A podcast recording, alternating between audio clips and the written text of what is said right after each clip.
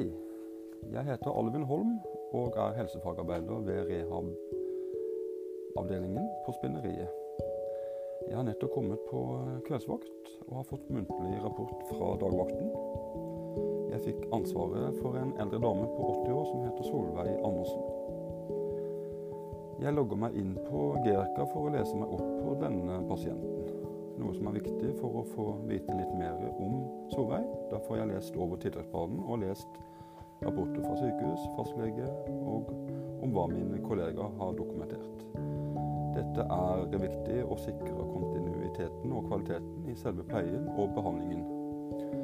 Samtidig så ivaretar det sikkerheten til pasienten. Dette er en nedfelt i helsepersonelloven at vi som helsepersonell har dokumentasjonsplikt. Vi har etiske, faglige og juridiske retningslinjer å forholde oss til. Utfordringene ved å dokumentere handler først og fremst om personvernet og å overholde taushetsplikten. Men hvorfor har vi egentlig taushetsplikt? Taushetsplikten skal beskytte brukere og pasienter mot at opplysninger om personlige forhold kommer på avveie. Taushetsplikten skal rett og slett sikre befolkningens tillit til de yrkene som er underlagt denne bestemmelsen. Dette er innfelt under helsepersonelloven og forvaltningsloven. Eh, så må man jo også gjøre objektive observasjoner, som det vil si nøyaktige funn. Målinger eller ting du har sett, hørt, luktet hos pasienten. Så har vi noe som heter subjektiv observasjon. Det er når du tolker det du har observert, og legger til din egen oppfatning av situasjonen. Jeg finner frem utstyret som jeg trenger for å ta vitale målinger, altså news. Jeg må også måle blodsukkeret hennes før middagen blir servert klokken 16.00. For å teste matens effekt på blodsukkeret, så er det viktig å måle blodsukkeret rett før og ca. to timer etter at du har spist. Karbohydrater virker direkte inn på blodsukkeret. Dette næringsstoffet får blodsukkeret til å, til å stige. Men fiber i, i kosten bremser opptaket av sukker i blodet. Jeg sprøyter hendene, får på meg munnbind pga. smittevannstiltak. Jeg banker på døren til rom nummer 241, går inn og spriter hendene på nytt, og da sitter Solveig i rullestolen og ser på TV. Jeg presenterer meg med navn og håndhilser på henne. Hun nikker tilbake med et lite smil og sier 'Jeg heter Solveig'. Jeg setter meg ned i stolen ved vinduet. Nå er det viktig å fremme trygghet og tillit til pasienten Solveig. Å ha den rette typen kommunikasjon ved å lytte aktivt, vise empati og forståelse. Mennesker er forskjellige og har ulike måter å kommunisere på. Det er viktig at pasienten får medvirke i sin egen plan og undersøkelser, behandling og valg av tjenestetilbud. Altså det som heter brukermedvirkning, som medfører en plikt for deg som fagarbeider til å involvere pasienten ved, ved det som skal gjøres under oppholdet. Ved å ta målinger som blodtrykk, puls, O2-metning og respirasjonsfrekvens er en del av undersøkelsen ved å sjekke allmenntilstanden, som er en uspesifikk betegnelse på individets generelle helsetilstand, som også er en kortfattet helhetsvurdering av pasientens helsetilstand, som også er basert på observasjon og klinisk undersøkelse. For at pasienten skal få dekket sine grunnleggende behov, så må jeg som helsefagarbeider utføre grunnleggende sykepleie. At jeg må ha god og relevant kunnskap, ferdigheter og holdninger. Dette gjør at pasientens, brukerens helse og velvære blir godt ivaretatt. Men observasjon er også veldig viktig ved å bruke sansene sine. Se, høre, lukte og kjenne. Noe som er viktig for å kunne kartlegge pasientens individuelle ressurser og behov. Men innen eh, helsevesenet så er også arbeidet med hygiene og smittevern viktig. For å hindre smitte og forebygge sykdommer har pasientene, brukere og personalet som er en forskrift om smittevern i helsetjenesten som pålegger alle helseinstitusjoner å ha et infeksjonskontrollprogram. Derfor er det grunnleggende å vaske og sprite hendene som er det nyttigste redskapet som vi har, utenom det å kommunisere og observere. Hendene er også det redskapet som kan gjøre mest skade, siden det er et viktig ledd i direkte og indirekte kontaktsmitte ifølge smittekjeden. Vi har også tverrfaglig samarbeid, som betyr at flere yrkesgrupper samarbeider for å ivareta pasienten som en helhet. Dette er særlig aktuelt med pasienter som har diagnoser som påvirker flere funksjoner i kroppen sin.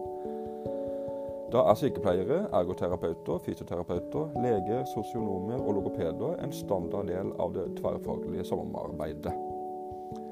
Hva er egentlig et helhetlig pasientforløp? Dette om uh, tverrfaglig samarbeid ga jeg også info om til Solveig. Men over til pasientforløpet.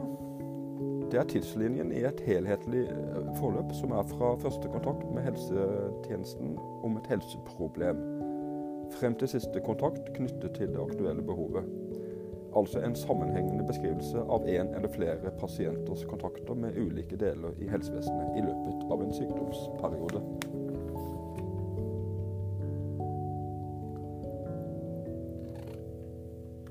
Og så har vi jo også det med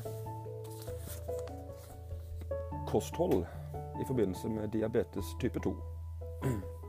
Det er å få i seg rikelig med fiber, grønnsaker. Ekstra gunstig å øke inntaket av belgvekster, nøtter, daglig inntak av bær og frukt. Fisk, sjømat, fugl, magre meieriprodukter. Og bruke matolje og myk margarin som fett kilder i dette kostholdet. Dette er en viktig endring i Solveig sitt kosthold som bør endres. Det har jeg eh, fortalt henne. Eh, I forbindelse med diabetes type 2 så er symptomene over uh, lang tid å være trøtt, slapp og sliten som er de vanligste symptomene. De har ofte soppinfeksjon, særlig i skrittet. Sukker i urinen forstyrrer den normale bakteriefloraen. Du ser ofte uklart. Høyt blodsukker påvirker øynene og gjør deg midlertidig nærsynt. Dette går over når blodsukkeret blir normalt igjen. Men det kan ta lang tid hvis du har hatt høyt blodsukker lenge.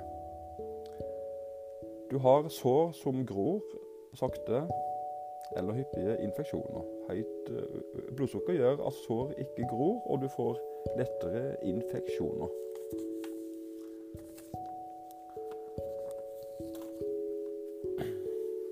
Og så er det jo det med typiske tegn og symptomer på sykdommer som gir en forverring av selve sykdomsbildet, og at helsetilstanden er endret. Symptomet er, eh, er, jo pasientens eh, subjektive beskrivelse. Et sykdomstegn som er det objektive og målbare tegnet på en endring. Og Det er jo f.eks. smerte, tretthet, kvalme, svimmelhet. Vi har målbare sykdomstegn som kan være endring av blodtrykk, bakterier i urinen, Syndrom er eh, derfor en samling av symptomer og, og eh, sykdomstegn.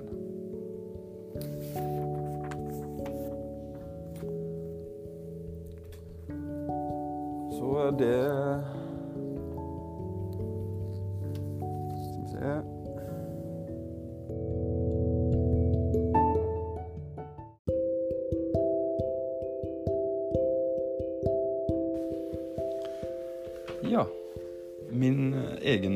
vurdering av denne podkasten, som er en skoleoppgave om en case om en pasient som heter Solveig. Jeg har, har tatt med fagstoff om diabetes, allmenntilstand, grunnleggende sykepleie, hygiene, kosthold, kommunikasjon, taushetsplikt, brukermedvirkning, tverrfaglig samarbeid, observasjon, rapport. Og jeg mener, mener selv at jeg har vært innom det meste av kompetansemålene når det gjelder helsefremmende arbeid, kommunikasjon og samhandling og yrkesutøvelse. Så jeg vil ja, sette meg sjøl på et sted mellom tre og fem i karakter. Tusen takk.